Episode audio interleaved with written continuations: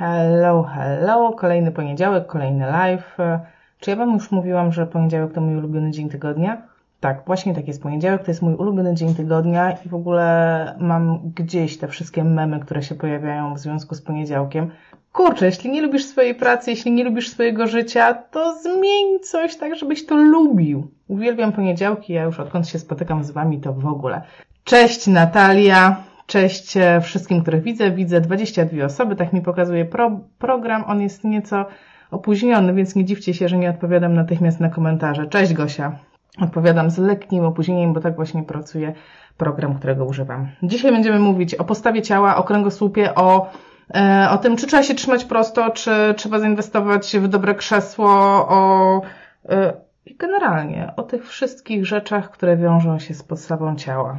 E, w ostatnim czasie w internecie dużo się na ten temat dyskutuje i to, o czym mówię, nie przyszło samo, nie jest to temat, który sama wymyśliłam, po prostu rozmawiamy o tym na privie, rozmawiam o tym z wieloma osobami. E, do tego czytam grupy, które się gdzieś tam przewijają w internecie dotyczące fizjoterapii i ten temat się po prostu pojawia i pojawia się masę jakichś memów, masę infografik zachęcających do trzymania e, jakiejś określonej postury, albo wręcz przeciwnie, do nietrzymania, bo generalnie możemy podzielić świat fizjo w tej chwili na dwie grupy. Jedni uważają, że postura jest ważna, jest czymś, e, co nas określa i co powoduje, że czujemy się dobrze lub źle. I ci, ta grupa terapeutów, ta, e, ta grupa ludzi e, zakłada, że istnieje coś takiego jak że w ogóle istnieje coś takiego jak postura. No więc zastanówmy się, czymże ta magiczna postura jest. E, generalnie w mojej ocenie, w moim, tak jak ja to rozumiem, postura to jest jakiś zbiór wzorców naszych zachowań, jakich używamy na co dzień, żeby poradzić sobie z rzeczywistością. I siła grawitacji jest tylko jedną częścią tej historii, ponieważ no to, że muszę notorycznie w cudzysłowie walczyć z siłą grawitacji po to, żeby się utrzymać chociażby teraz, tak jak siedzę e, przed Wami, no to to jest jedna sprawa, ale każdy z nas ma w swoim życiu jakieś określone zadania. I tak jak my, jesteśmy fizjoterapeutami i często na przykład musimy dźwignąć pacjentów, musimy pomóc im wstać. Czy pielęgniarki, które muszą się nachylać nad pacjentami, czy dentystka, która w ogóle pół dnia będzie pracowała nachylona nad pacjentem w jakiejś pozycji, to jest element jej postury, bo to jest element jej życia, jej pracy, więc e, trzeba zachowania i pracę ciała w tych określonych sytuacjach włączyć w element jej postury. E, zwróćmy też uwagę, że każdy z nas ma inną anatomię. W związku z tym inna postura będzie moja z moją anatomią, a inna postura będzie, nie wiem, człowieka, który ma dwa razy krótsze kości udowe, dłuższy tułów i nie wiem, wielkie, długaśne ręce, tak? Każdy ma własną posturę. Dodatkowo dochodzą do tego wyzwania, które sami sobie narzucamy. O ile praca jest jakimś, mm, jest rzeczą, e, na którą mamy wpływ, ale jest poniekąd troszkę narzucona, ponieważ decydujesz się na wybór określonej kariery zawodowej w bardzo młodym wieku, no i potem no, niejako łykasz, co dają, prawda, tak jak e, nigdy będąc na studiach nie przypuszczałam, że będę dźwigać pacjentów, a jednak ale potem zaczynam wybierać czynności, które sama sobie narzucam. Mam tutaj na myśli sport i hobby. I to również jest element postury. To również będzie element, który będzie miał wpływ na to, jak kształtuje się nasze ciało, jakie ma potrzeby, ale również jakie ma wymagania. I dopiero ta całość, te wszystkie czynniki, czyli grawitacja, praca, anatomia, hobby, wyzwania sportowe, wyzwania dnia codziennego, dopiero to wszystko będzie kształtowało nas jako człowieka. I to będzie ta, e, ta postura. I ona z jednej strony dobrze, że jest, jest fajna, ponieważ postura, to w jakich wzorcach, wzorcach funkcjonujemy, daje nam taką, taką strefę komfortu, czyli strefę, w jakiej poruszamy się swobodnie, strefę, w jakiej jesteśmy najsilniejsi, najsilniejsi, strefę, w jakiej dobrze funkcjonujemy.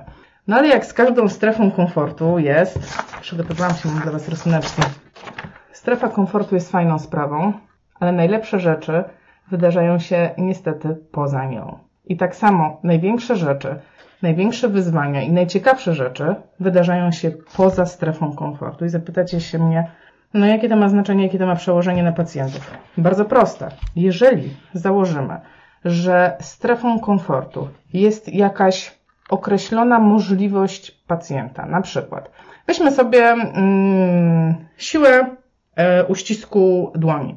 Jeżeli przygotuję sobie dłoń i maksymalnie wyprostuję nadgarstek i teraz zmierzę maksymalną moją siłę, ile mam, no to ileś tam będę miała, prawda?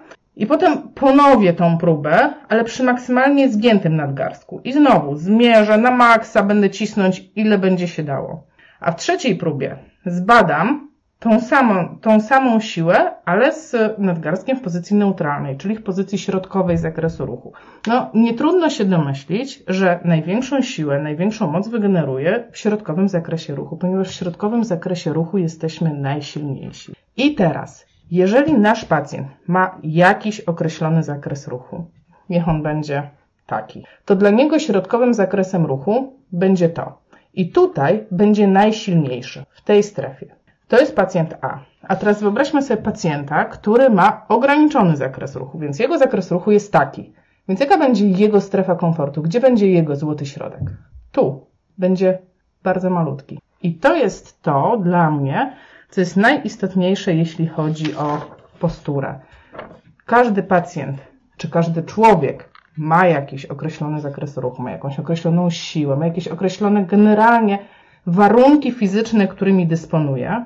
I w środkowym zakresie tych warunków fizycznych on się czuje najlepiej. Ale pamiętajmy, najlepsze rzeczy zdarzają się tutaj. A każdy chce mieć, każdy chce być ponadprzeciętny, każdy chce mieć ponadprzeciętne możliwości. Każdy y, chce mieć, każdy chce mieć wysokie możliwości, może tak to nazwijmy. Więc y, skoro w takim razie uznaliśmy, że nie ma czegoś takiego jak idealna postura, no to może w ogóle trzeba chrzanić posturę i uznać, że nie ma czegoś takiego jak idealna postura, że liczy się zakres ruchu, no, a może w ogóle też się nie liczy, przecież wiele osób ma ograniczony zakres ruchu i świetnie funkcjonuje, to może chrzanić tą posturę. I to jest drugi trend, który panuje obecnie wśród fizjoterapeutów w opozycji do, y, nazwijmy, posturologów, którzy mówią, tak, postura ważna jest, te wszystkie elementy są ważne, jest drugi trend, który mówi, dobra, wiecie co, to w ogóle jest bez znaczenia, każdy człowiek funkcjonuje inaczej, każde ciało funkcjonuje inaczej. E, niech on po prostu funkcjonuje dobrze. Bez znaczenia, co to dobrze dla tej konkretnej osoby oznacza. Ale tutaj zaraz e, posturologowie, nie wiem, czy to słowo w ogóle istnieje e, w języku polskim, ale zaraz podnoszą się głosy i niejednokrotnie sama brałam udział w takich dyskusjach, kiedy mówią, no nie, no przecież wiadomo, że zła postura będzie prowadziła do niefizjologicznych przeciążeń w stawach, co będzie prowadziło do zwyrodnień i co będzie prowadziło do dolegliwości bólowych. I to jest po prostu notoryczna dyskusja, jaką się znajduje w internecie, notoryczna dyskusja, jaką się podejmuje z innymi terapeutami, po prostu to się zdarza nagminnie. I to wszystko jest fajne, ale jest oparte, i uwaga, na założeniu. Na założeniu. Na założeniu takim, że długotrwałe utrzymanie jakiejś tam złej postury będzie powodowało ból. I słuchajcie, chciałam Wam tutaj przytoczy, przytoczyć mm, badanie, że to kurczę nie do końca tak jest. Teraz się przełączymy. Przełączymy się, gdzie ja sobie to otworzyłam. O! To jest badanie wykonane między innymi, widzicie, widzicie, super, przez e, Petera O'Sullivana i on zbadał 1100, żebym Wam nie skłamała, zaraz sobie sprawdzimy. E, no, załóżmy roboczo, hmm, 1108 e, nastolatków i zwracał uwagę na posturę, na postawę, na położenie głowy względem klatki piersiowej, względem ramion. Tam on znalazł cztery wzorce e, tej postawy i, ale co jest najciekawsze, pamiętajcie, to jest ponad tysiąc osób zbadane, nie podejrzewam Petera O'Sullivana o y, manipulowanie tymi badaniami, tak żeby było jasne. Stwierdzono znaczącą korelację pomiędzy tymi wzorcami czterema, o których powiedziałam, pomiędzy płcią, wagą i wzrostem. Czyli było zależne położenie głowy i położenie szyi od tego, ile ktoś miał wzrostu, ile ważył i jakiej był pci, pci, płci. Ale, i to jest to, co nas najbardziej interesuje, to jest tutaj, widzicie, mam nadzieję, mój znacznik, nie było znaczących różnic pomiędzy bólami karku albo bólami głowy, pomiędzy tymi wzorcami e, ciała, czyli tymi wzorcami posturalnymi. Innymi słowy, było bez znaczenia pod względem bólu, czy ktoś miał tak szyję, czy miał tak, czy miał tak, czy miał w jakimkolwiek innym wzorcu. Te wzorce są tutaj opisane. Możecie sobie e, zobaczyć, to badanie się tak nazywa. Neck Posture Clusters and their association with Biopsychological Factors and Neck Pain in Australian Adolescents. Bardzo długi tytuł, można sobie zrobić zrzuta ekranu, więc mm, to jest jedna strona medalu. Jest udowodnione i tymi osobami, które mówią o tym już od bardzo dawna, jest właśnie Peter O'Sullivan, jest e, David Butler, jest Lorimer Mosley, że to nie do końca ma znaczenie, jaką mamy posturę, czy co się dzieje z naszym ciałem na obwodzie, co się dzieje z naszymi tkankami, co się dzieje z naszymi mięśniami, stawami i tak że ma znaczenie to, w jaki sposób mózg interpretuje te informacje. Ja Wam wczoraj wrzuciłam na ścianę u siebie na fizjopozytywnych taką, taki eksperyment, gdzie człowiek myślał, że będzie przepalany zapałką, a był dotykany lodem. I odczucia generowane przez mózg były oczywiście odczuciami poparzenia. Te osoby wyrywały rękę. Więc ważne są przekonania. Tak, i to jest najważniejsze. To jest najważniejsze. Nie chciałabym użyć słów, że nie jest ważne coś, to, co się dzieje z tkankami, bo oczywiście, że jest ważne. Jeżeli ktoś ma uszkodzone tkanki, to ma uszkodzone tkanki. Jeżeli ktoś ma problem na poziomie stawu, czy na poziomie mięśni, czy na poziomie ścięgna, no to oczywiście ma i nie ma co z tym dyskutować. Mówimy generalnie o produkowaniu bólu w mózgu pacjentów. I teraz wróćmy do posturologii stosowanej. Te osoby, które y, promują wagę postury, jeśli chodzi o dolegliwości bólowe, y, wydaje mi się, że narażają się na takie niebezpieczeństwo pomylenia stresu tkankowego ze złą posturą. I już tłumaczę, o co mi chodzi. Jeżeli ja, Joanna Tokarska, teraz postanowię przez pół godziny mówić do Was i opierać się o mój nadgarstek w końcowym jego zakresu ruchu, traumatyzując go niemiłosiernie przez następne 20 czy 30 czy 50 minut, no to oczywiście, że sprowokuje sobie ból. Ale czy to będzie zła postura? Można by tak pomyśleć. No siadła bez sensu, wisi na własnej ręce. Ale jeśli chodzi o mój zdrowy rozsądek, nigdy tego nie zrobię, ponieważ ciało da mi odpowiedź bólową. I tak samo jest z każdą inną, w cudzysłowie dziwną pozycją, która będzie nas przecie przeciążać. To nie jest postura, bo postura, przypomnę, w mojej definicji to jest e, zbiór wzorców zachowań. To jest jeden z tych wzorców, który był po pierwsze przyjęty prawdopodobnie w końcowym zakresie ruchu, a po drugie utrzymany w zbyt długi czas. Czyli jaka jest najlepsza pozycja? To jest pytanie, zaraz zbliża się szkoła i zaraz się zaczną pytania. A jak dziecko powinno siedzieć, a jak ja powinienem siedzieć, to może kupię dziecku taki super, może klęcznik, a może na piłce, a może to, a może tamto. Zawsze odpowiadam w jeden sposób, że najlepsza Twoja pozycja to jest pozycja, jaką przyjmiesz jako następną. Czyli najlepsza pozycja to Twoja następna. Co to znaczy? To znaczy, że nie do końca ma znaczenie to, jak siedzę, ale ma znaczenie, jak często zmieniam tą pozycję. Teraz jak do Was mówię, siedzę na swojej prawej nodze. Na lewej nie siadam, bo lewa, lewa jakoś nie lubię siedzieć na lewej, tylko na prawej siadam. E, jestem wykręcona, ale spoko. Nie ma problemu, ponieważ za chwilę skończę do Was gadać i zmienię tą pozycję, będę robić inaczej.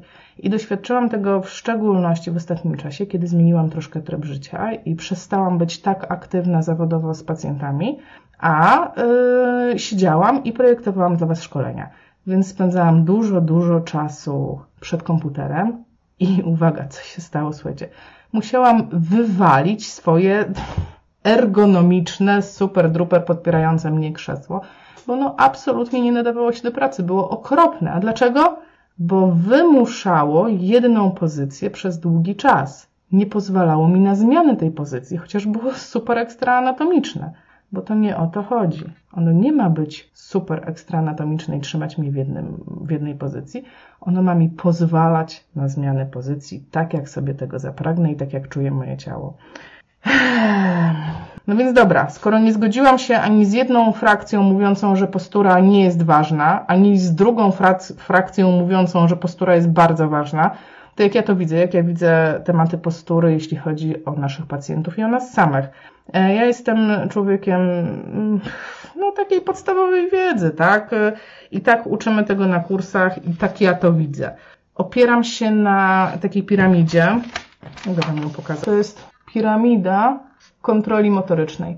I zakłada ona, że na samym dole mamy mobilność. Co to znaczy? To znaczy, że jak dziecko się rodzi, to na początku jest mobilne, macha we wszystkie strony i generalnie ma pełen zakres ruchu. I tak samo ja to widzę no, u swoich pacjentów. Jeżeli oceniam kogoś, najpierw oceniam, jaki ma zakres ruchu. Czy w ogóle ma możliwość poruszać się w sposób, który ja uznam jako prawidłowy czy korzystny dla niego. Dopiero na drugim miejscu oceniam stabilność. Zobaczcie, stabilność jest druga. Już pokazałam? Chyba dobrze. Dopiero wtedy oceniam stabilność, a stabilność to jest zdolność utrzymania tej pozycji, czyli innymi słowy, no taka zwykła ludzka siła. Czy ma siłę utrzymać się w tej pozycji? I siła nie jest niczym skomplikowanym. Rozmawialiśmy już o, siłę, o sile, mierzy się ją w lowecie. Jeżeli ma trójkę, to znaczy, że porusza się przeciwko, sile grawitacji i prawdopodobnie jest w stanie utrzymać pozycję przeciwko sile grawitacji. I dopiero potem na to wszystko wchodzą wyższe funkcje typu mobilność na stabilności, czyli jedną część ja trzymam, drugą poruszam, a na samym końcu zręczność, czyli umiejętność wykorzystania tego dla robienia różnych rzeczy, czyli funkcja. Więc ta funkcja jest dziś dopiero na samym, samym szczycie. I teraz e, zwróćmy uwagę na naszych pacjentów. Odniosę się do, najpierw do kobiet z dużym biustem, ponieważ tutaj zdarzyło mi się e, robić parę warsztatów e, kierowanych do osób dobierających bieliznę dla kobiet, również dużym biustem. I w ramach ćwiczeń sprawdzałyśmy, jaką mamy ruchomość w obrębie klatki piersiowej. Test był ultra prosty, bo polegał na tym, żeby położyć, położyć się na ziemi, rozrzucić ręce do boku i sprawdzić, czy ręce będą leżały płasko na ziemi. Taki po prostu totalnie przesiewowy, prosty test na rotację zewnętrzną, odwiedzenie i e, zgięcie. I bylibyście zaskoczeni, jak wiele kobiet nie jest w stanie położyć rąk na ziemi.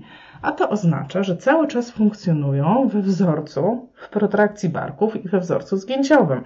Czyli nawet nie mają możliwości na poziomie tego pierwszego piętra mobilności na osiągnięcie pełnej pozycji. Czyli pamiętacie to, co mówiłam na początku, jeżeli mam taki zakres ruchu, to moim środkiem będzie to, będę miała taki zakres najsilniejszego, mocnego potencjału. Ale jeżeli mam zakres ruchu tylko do zgięcia, a do wyprostu ktoś mi zabrał, to gdzie jest mój środek? Tu. I dokładnie to samo e, tyczy się, słuchajcie, kręgosłupa lędźwiowego. Tutaj pod mm, schemat piramidy. Dobrze, pokażę za chwilę. Zgubiłam myśl, już się znajduję pod tym wpisem, pod dzisiejszym, pod dzisiejszym live'em, Monika napisała coś takiego, bo ja was tam pytałam, a jak wy podchodzicie do tematu i Monika napisała mi, e, że lędziowy powinien się zginać. I moja odpowiedź była, a jak przekonujesz pacjentów do tego, żeby nie padli ze strachu przed tym, jak powiesz im, e, słuchajcie, będziemy zginać się teraz w plecach. Ponieważ przez ostatnie 50 albo i więcej lat promowano e, właśnie tą dobrą posturę. Dlaczego, dlatego, dlaczego ja nie lubię tego całego ględzenia o dobrej posturze?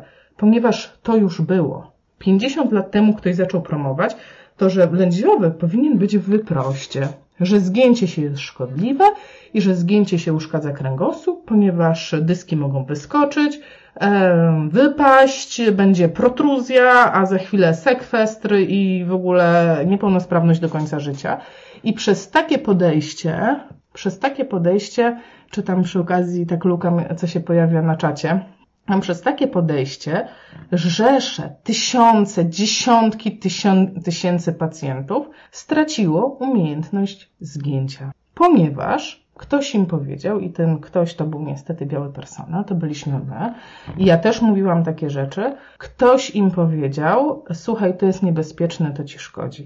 I muszę wam powiedzieć, że miałam już taką sytuację, że przepraszałam pacjenta za to, co, co mu powiedziałam. E, trafił do mnie pacjent uu, z 10 lat temu, ja jeszcze byłam na etapie e, wyprost, pozycja, kontrola, tutaj napięty brzuch, kor i tak dalej.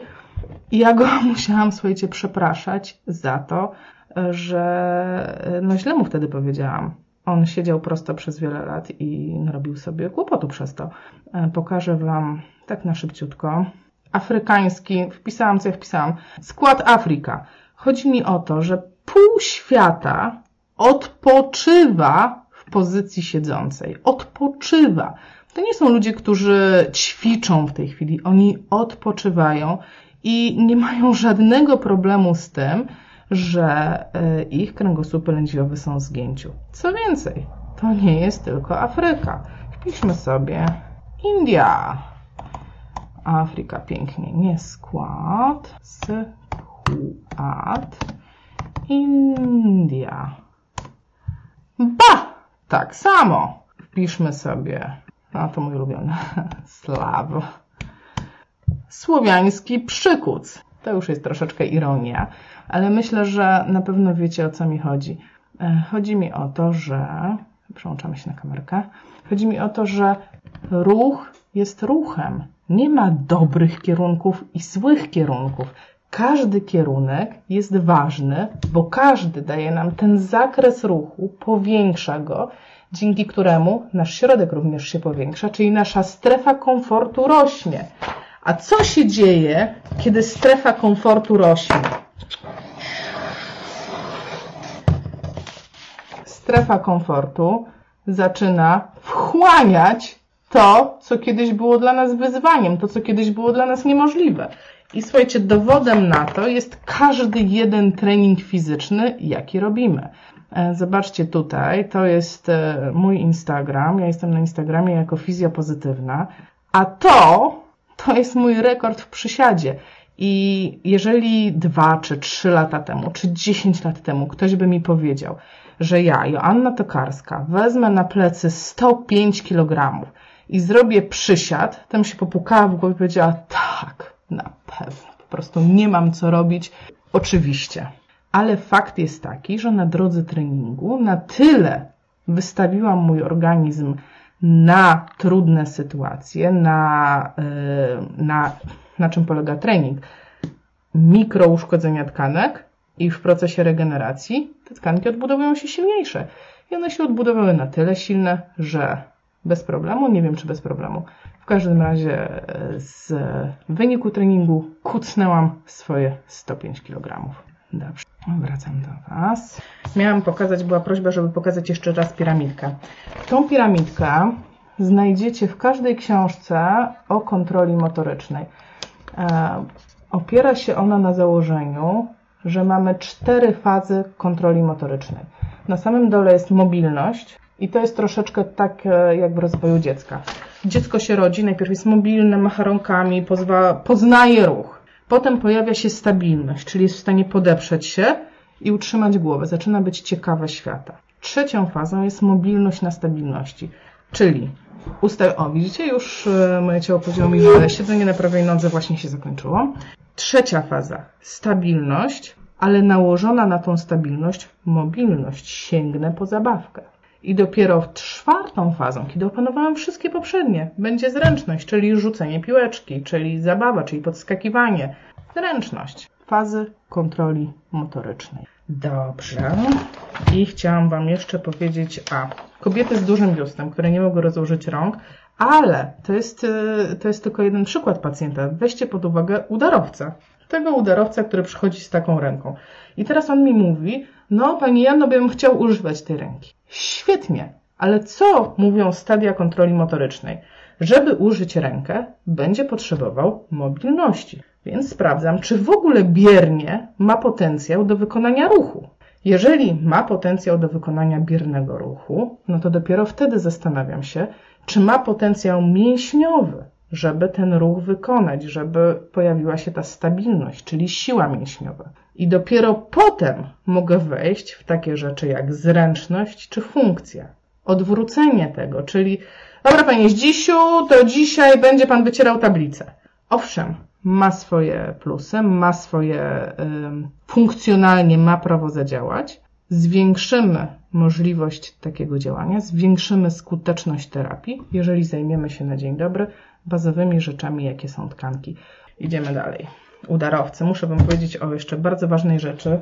27 minut, nie jest najgorzej. Jeszcze nie pobiłam swojego rekordu. Postawa ciała, postura, postawa ciała, wszystko jedno. Jestem gdzieś po środku, pomiędzy tymi, co mówią, że nie jest kompletnie ważna i pomiędzy tymi, którzy mówią, że jest bardzo ważna. Uważam, że ma znaczenie ma znaczenie również psychologiczne. I to nie jest coś, co ja wymyśliłam. To jest książka Amy Cuddy. E, Amy Cuddy jest wykładowczynią na jednym z uniwersytetów, oczywiście w Ameryce.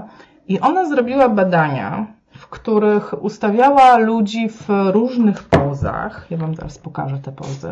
Amy Cuddy podzieliła sobie e, Amy Cuddy e, podzieliła sobie pozy ludzkie na pozy takie wysokoenergetyczne, high power poses i w kontraście do nich pozy o niskiej energetyce, takie po, pozy low power. I sprawdziła, zrobiła taki eksperyment. Przez bodajże dwie minuty były dwie grupy i przez te dwie minuty jedna grupa stała w tych pozach o wysokiej sile, a druga grupa, tak jak te bidule, przez e, te dwie minuty stała w, poze, w pozach o niskiej sile. A potem poddano ich wszystkich testom na mm, podejmowanie ryzyka w hazardzie. I słuchajcie, okazało się, że ci, którzy byli w tych pozach high power, mieli większą skłonność do podejmowania ryzykownych decyzji, czyli tak byli po prostu hop do przodu. I na tej podstawie ona zaczęła to drążyć dalej, wręcz do tego stopnia, że przeprowadziła badanie hormonów we krwi, jakie się pojawiają po przyjmowaniu danych płuc. I okazało się, że ci, którzy przyjmują te e, pozy wysokiej mocy, że oni, e, słuchajcie, mają zmienioną gospodarkę hormonalną, że pojawia się u nich więcej hormonów, tej walki, tego, tej adrenaliny, tego, e, tych, tych hormonów, które pozwalają nam zwyciężać. A ci, którzy byli w takich, takie bidulki, pokurczone, no to mieli hormony odpowiednie do tego stanu emocjonalnego. I teraz chciałabym, żebyście zwrócili uwagę na taką rzecz. Jeżeli Szczególnie dotyczy się to kobiet. Jeżeli mają ograniczoną ruchomość klatki piersiowej, jeżeli mają pozycję zamkniętą, teraz się przełączy, żeby było mnie widać, mają zamkniętą pozycję klatki piersiowej, nie mają możliwości w ogóle przyjęcia końcowej, końcowego zakresu ruchu takiego fizjologicznego, jak dla nas otwarcia tej klatki piersiowej, to psychologicznie zupełnie tracą możliwość przyjęcia tych płuc otwartych, tych płuc dominujących, tych płuc, które powodują wyrzut tej dobrej mocy, tej energii, której wszyscy potrzebujemy w życiu. I to są właśnie te wszystkie panie, które przychodzą z tymi garbami wdowy, wdowimi, e, te wszystkie takie przykurczone, przytłoczone życiem, bo jedno wpływa na drugie. Więc uważam, że możemy bardzo dużo zrobić pracując z takimi pacjentami. Pytanie, czy da się wpłynąć na mm, pozycję ciała, czy da się wpłynąć na posturę ciała? I e, powiedziałabym tak, to zależy. To zależy od tego przede wszystkim, czy mamy warunki anatomiczne, żeby to zmienić. Jeżeli nie mam warunków anatomicznych i tutaj posłużę się swoim własnym przykładem. Nie mam rotacji zewnętrznej w biodrach, a przynajmniej mam jej bardzo, bardzo niewiele. W związku z tym moje stopy w czasie chodzę, chodu ustawiają się lekko do środka. I tak miałam całe życie, od przedszkola byłam goniona, Boże Aśka, chodź normalnie, weź wyprostuj te nogi, jak kaczka chodzisz. Prostu trauma z dzieciństwa, cały czas krzyczenie na mnie, że chodzę z nogami do środka. I słuchajcie, ja chodzę z tymi stopami do środka, bo moje biodra nie mają takiego zakresu ruchomości. Pomimo tego, że rozciągam je, że próbuję, że starałam się to zmienić przez wiele, wiele lat, nie jest to skuteczne, ponieważ mój zakres ruchu kończy się, nie wiem, w 10 stopniach rotacji zewnętrznej, w związku z tym mój środek, moja pozycja neutralna wcale nie wypada w pozycji neutralnej, tylko wypada w lekkiej rotacji wewnętrznej. No i co zrobię? Nic nie zrobię. Ale propozycja do tego, e, dam Wam drugi przykład, który również przetrenowałam na sobie. Miałam nawyk, notabene wyniesiony z metody McKenzie'ego, który mówiła, zakładaj sobie ręce tak, to wtedy łatwiej utrzymać pozycję siedzącą, łatwiej utrzymać lordozę. Ja tak się przyzwyczaiłam, że tak funkcjonowałam. Ale w pewnym momencie, jak zaczęłam się interesować e, generalnie wpływem płuc i wpływem mowy ciała na funkcjonowanie, na to, jak nas odbierają, stwierdziłam, że to jest w sumie fatalny wzorzec. I wykrzewiłam go z korzeniami, po prostu kontrolując to, co robię. I było to dokładnie według zasad nauczania motorycznego, e, czyli najpierw była faza taka kognitywna, gdzie musiałam się pilnować codziennie. Wiedziałam, że to robię, wiedziałam za każdym razem, że mnie to wkurza, nie miałam na to wpływu, wiedziałam, że robię. Potem zaczęło się to lekko automatyzować. Wiedziałam, że muszę się pilnować, ale już nie musiałam się tak bardzo na tym koncentrować. Ale ostatnią fazą, która dopiero nastąpiła po kilku miesiącach, to nie było tak łatwo, było to, co mam teraz, kiedy normalnym jest dla mnie trzymanie rąk w dół, bądź zajęcie im czym, ich czymś zupełnie innym. Nie mam już potrzeby zakładania ich tak, a wręcz czuję się w ten sposób nienaturalnie. Więc czy da się zmienić? Da się. Czy jest to łatwe? Nie. I to by było na tyle, ile 33 minuty gadam, to i tak nie jest najgorzej. Przeczytam komentarze, jeśli pojawiło się coś, e, na co mogłabym odpowiedzieć, to to zrobię.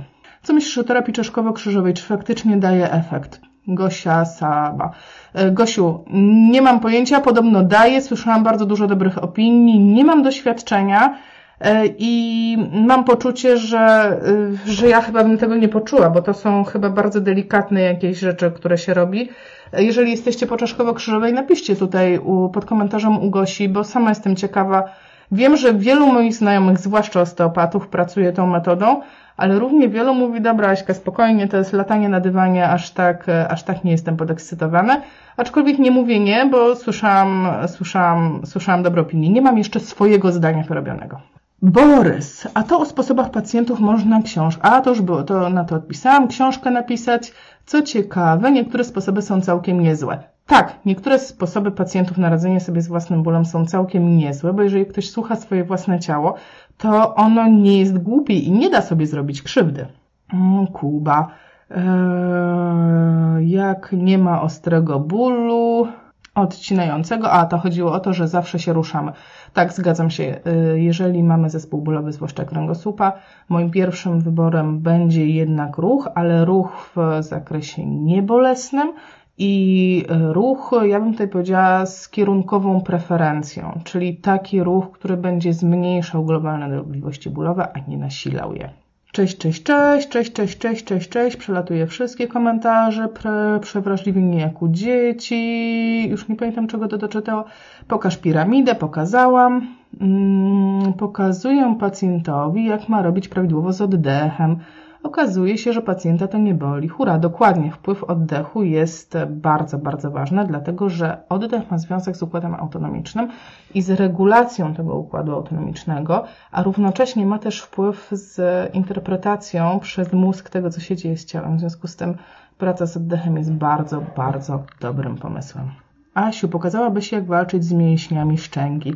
Moi pacjenci często mają szczękościsk. Adam, wygrałeś los na loterii ponieważ jest już na YouTubie.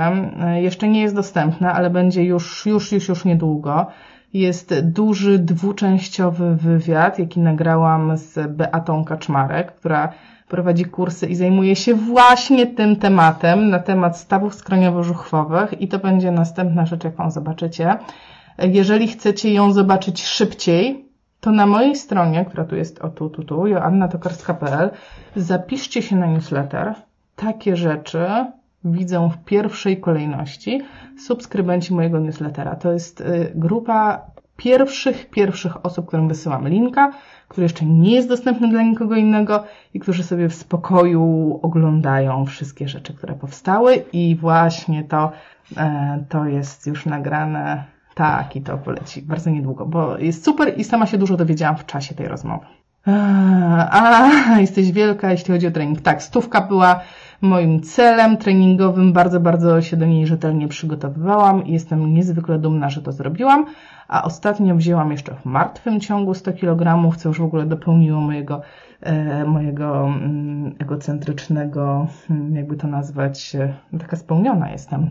Chętnie bym o coś zapytał, ale za późno to wszedłem. Michał, absolutnie nie wszedłeś za późno, pytaj. E, daje efekty. Trefa, e, Danuta pisze, że daje efekty, stosuje u pacjentów. Super. E, Adam. A, dobrze. Okej. Okay. Na wszystkie pytania odpowiedziałam. Bardzo dziękuję, że ze mną byliście. Znowu się powtórzę, bardzo lubię poniedziałki, bardzo lubię te nasze spotkania, a najbardziej to lubię, jak do mnie piszecie. Ale plan na następny live jest taki, żeby było dużo studiów przypadków. Mam już zgromadzone od Was filmy pacjentów, y, które do mnie wysyłacie z prośbą, y, co można by z tym pacjentem jeszcze zrobić. Y, I to jest super, bo dzięki temu możemy wszyscy razem analizować tych pacjentów i możemy sobie wzajemnie pomagać. Bardzo fajna opcja. Z tym, że jedna rzecz, to jest bardzo, bardzo ważne, zwłaszcza w czasach RODO. Jeżeli chcecie mi wysyłać filmy, pacjenci muszą się na to zgodzić. Jeżeli chcecie, żeby filmy były analizowane w czasie live, pacjenci muszą podpisać zgodę. Ja Wam oczywiście taką zgodę wysyłam, nie ma problemu. Wystarczy, że pacjent ją podpisze, odeśle mi i wszystko jest super. Także jeżeli chcecie, że macie trudnego pacjenta, y, jest coś ciekawego, czym chcielibyście się podzielić z innymi, y, piszcie do mnie, wysyłajcie mi filmy pacjentów, ja powybieram te najciekawsze i za tydzień, jak koreański czas da, będziemy sobie analizować różnych pacjentów i różne ciekawostki. Od razu mówię, nie muszą być neurologiczne. Mamy bardzo fajnego pana już przygotowanego, który wcale neurologiczny nie jest, a będzie zanalizowany. W międzyczasie jeszcze pojawiły się pytania. Agnieszka. Ograniczenie ruchomości może prowadzić do deformacji osi kończyny. Przywracamy oś i ruchomość tylko w dolegliwościach bólowych, czy zawsze? Mm, oj, oj, oj, chyba nie zrozumiałam pytania. Czy zawsze przywracamy ruchomość? To zależy. To zależy, jaka jest funkcja i jak funkcjonuje dany człowiek. E, czy funkcjonuje fizjologicznie, czy funkcjonuje w kompensacjach. Nie ma jednej odpowiedzi na tak zadanie, zadane pytanie. Ogólnie nie odpowiadałabym na żadne pytanie z dziedziny medycyny. Tak, zawsze tak jest. E, no może, no może byłoby to pytanie, e, nie wiem, o jakieś takie kluczowe rzeczy, czy, czy, czy trzeba uważać, żeby nie zabić pacjenta. No to to zawsze trzeba uważać, żeby nie zabić pacjenta, ale czy trzeba zawsze zwiększać ruchomość? To zależy. No nie, nie, nie trzeba zawsze zwiększać ruchomości. Trzeba zwiększać ruchomość tam, gdzie będzie ona miała przełożenie na funkcję pacjenta, gdzie będzie tą siłą, tą dźwignią, która da mu więcej możliwości ruchu i zwłaszcza uczulam na zwiększanie ruchomości u dzieci z MPD. Uczulam Was na to. E, uczulam Was na dystrofików, którym jak zwiększycie ruchomość, to pozbawicie ich funkcji, bo oni funkcjonują w kompensacjach.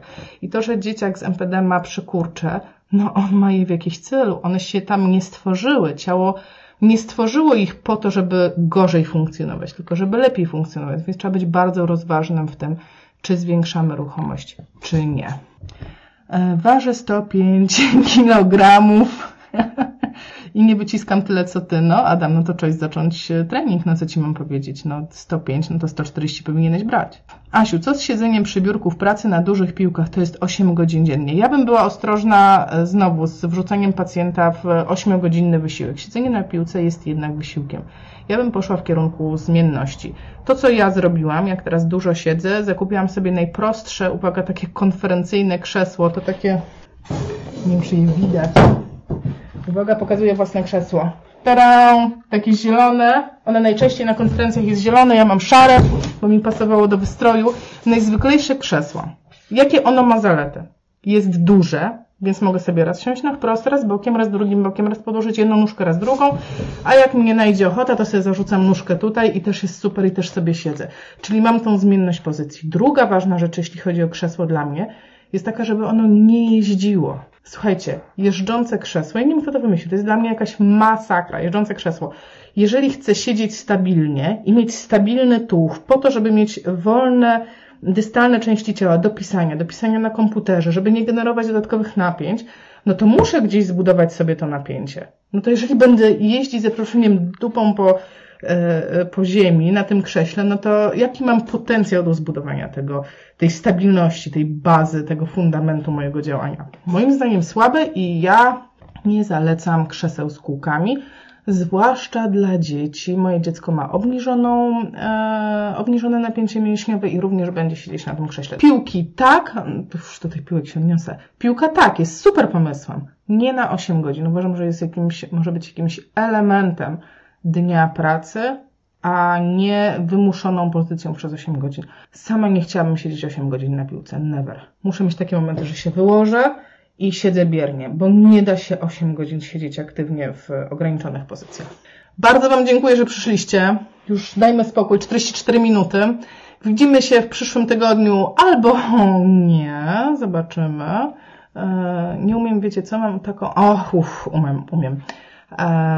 Widzimy się w przyszłym tygodniu, chyba że moi koreańscy instruktorzy po prostu sprawią, że nie będę w stanie wstać o tej godzinie. Bardzo dziękuję, że byliście. Udostępniajcie ten materiał, jeśli uważacie, że jest wartościowy. I do zobaczenia.